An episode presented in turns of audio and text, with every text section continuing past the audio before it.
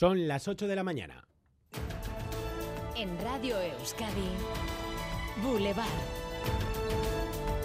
Con Xavier García Ramsten. Conmoción en Gasteiz tras la tragedia de este fin de semana en el polígono de Jundiz, que la Policía Municipal sigue investigando la muerte de dos jóvenes en su coche en un suceso que podría estar relacionado con las carreras de coches ilegales. Nos vamos en directo a ese polígono. Sonia Hernando Egunon. Egunon, un árbol en esta larga recta de Jundiz se ha convertido en un altar improvisado con ramos de flores, velas, crucifijos y muñecos de peluche, en un lugar donde el sábado un brutal accidente en la madrugada del sábado acabó con la vida de Cristian y de Isaro. Ahora se está investigando qué sucedió. El ayuntamiento de momento no quiere adelantarse ni confirmar que se tratara de una carrera ilegal de coches. Iñaki Gurtubay es concejal de seguridad. Antes de los sucesos ha estado la policía allí mismo, ha dispersado a personas que estaban allí y precisamente al media hora más o menos después de que se vaya la policía es cuando se ha producido la colisión. La investigación está en fase de la toma de declaración de la joven que estaba en el asiento de copiloto en la parte trasera del polo con heridas leves y también del conductor del otro vehículo del BMW que chocó contra el pequeño turismo, el polo. Sus testimonios van a ser claves para la investigación.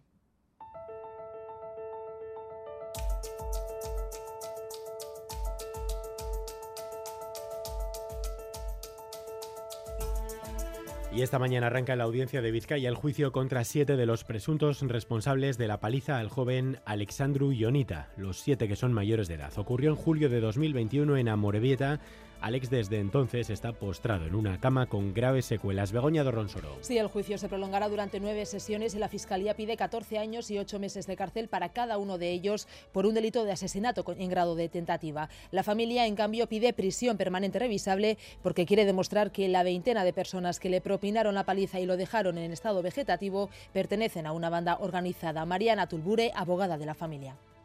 Nuestro objetivo es demostrar que sí pertenecen a una banda organizada, no a un grupo criminal. Es la segunda vez que se lleva este caso a los tribunales porque en un juicio celebrado el año pasado se juzgó a los ocho menores de edad implicados. A partir de las nueve estaremos con la familia de Alexandru y la Erchancha sigue investigando la muerte de una mujer en Bermeo tras el sabotaje a una ambulancia del transporte urgente que la estaba atendiendo. La cooperativa de ambulancias denuncia ese sabotaje, los sindicatos responden. María Ruiz. Condenan estas acciones de vandalismo pero lo desvinculan de la huelga que están llevando a cabo. Aseguran que es habitual que las ambulancias estén inoperativas durante horas. Cintia Lozano de ELA. De hecho, la ambulancia de Guernica tres días antes estuvo 13 horas fuera de servicio, incumpliendo que las ambulancias tienen que ser sustituidas en menos de una hora.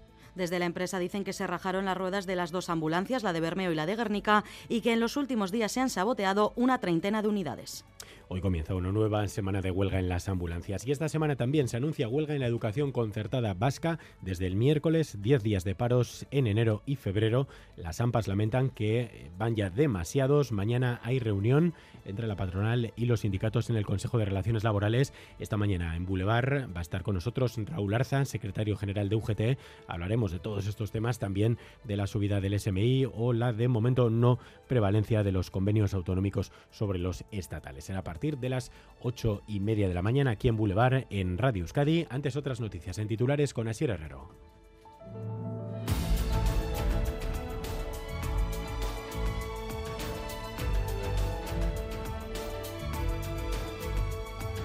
Tras la multitudinaria manifestación de este fin de semana, Sare y la delegación del gobierno español en Euskadi se enzarzan por la política penitenciaria. El delegado del gobierno en Euskadi, Denis Ichaso, cree que ha habido un cambio de fase. Declaraciones ayer aquí en Radio Euskadi hay una vigilancia o judicial, pero quien no quiera ver que en los últimos años se han producido cambios muy significativos, hay, que estar ciego para no verlo. A lo que por la tarde respondía Joseba Azcárraga desde Sare.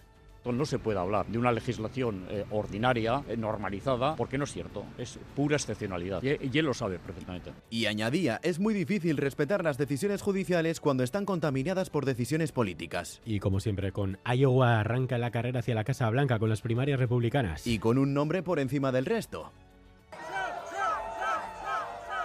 Que está siendo ovacionado en cada uno de los actos y podría ganar las primarias con una ventaja histórica, descartando a algunos de sus principales rivales. De Santis está en el disparadero, Nikki Haley podría quedarse con el segundo lugar. Por si aún no lo saben, la mayor aventura de la televisión vuelve a ETV2. El Conquist estrena hoy temporada. La número 20 con ausencias Hemos despedido la edición número 19 de esta gran aventura. Y también va a ser mi despedida. Y también con reencuentros. Montate ya, mira que estamos llegando. A ver si te van a ver estos, el corta verdadero y el Juanito verdadero. La cita hoy a las 10 y media de la noche en E ETV2. Y otro que vuelve y por todo lo alto es Gorka Urbizu. Itxasoak olatuak Dakarski orain bare Y lo hace estrenando su primer disco en solitario, Asiera Bat. 10 canciones entre las que está este Sutebat completan un recorrido del que el ex de Berry Charrac ha querido imaginar con los cinco sentidos y a ritmos alejados de las prisas del día a día.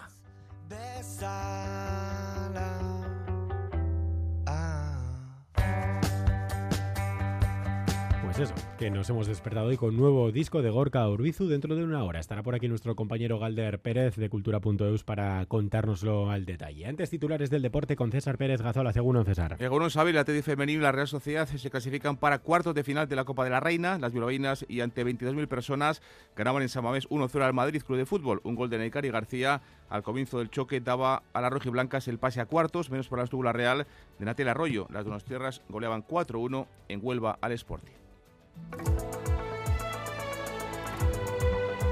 Boulevard. El tiempo.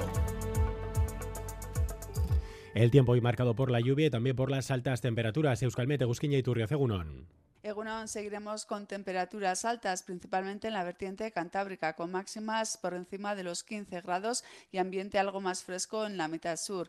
La nubosidad será abundante durante la jornada y también esperamos algo de lluvia, principalmente en la vertiente cantábrica y durante la tarde. Por la mañana tendremos viento del suroeste, por tanto las precipitaciones serán esporádicas y dispersas. Y luego por la tarde el viento se fijará del oeste noroeste y entonces las precipitaciones serán algo más frecuentes. Jornada, por tanto, con tiempo revuelto. El viento del oeste y del suroeste mantendrá las temperaturas altas y esperamos algunas precipitaciones en general de carácter débil. Temperaturas hasta ahora tenemos 12 grados en Bilbao, 10 en Donostia, 6 en Vitoria-Gasteiz, 11 en Bayona y 5 en Pamplona. Egunon, ondo Egunon, Amar gradu. beratzi grado izango da matxitzako, bai herri zen, gehiago da.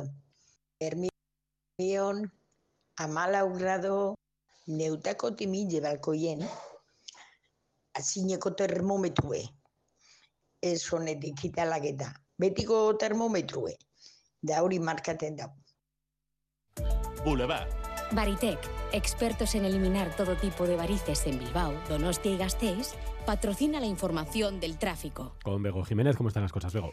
Pues seguimos solicitando precaución en la 1 en Gasteiz, sentido Irún, en la salida de Jundiz, donde recordamos se produjo la salida de calzada con posterior vuelco de un vehículo, carril derecho cortado, un kilómetro de retenciones. Obras Públicas se encuentran en el lugar, se sigue a la espera de la retirada del vehículo por la grúa y recordamos que el conductor ha sido trasladado al hospital de Chagorrichu y tenemos que dar aviso de un nuevo accidente ahora mismo en la AP8 antes del puente de Orio en Haya, sentido Irún. Es una colisión de dos vehículos por alcance y, por supuesto, precaución generalizada por lluvia. ¿Quieres vivir sin varices el 2024? Olvídate de síntomas tan molestos como picores o dolor y estrena piernas con Varitec.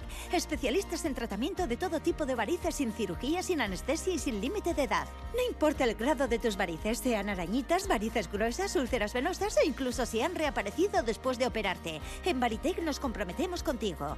Pide tu primer diagnóstico en nuestras clínicas de Bilbao, Donostia y Gasteiz. Información disponible en varitec.es. Agur Varices. Ayúdanos a mejorar nuestra información con tus comentarios, fotos y vídeos. Envíalos al WhatsApp de Radio Euskadi 688 840 840.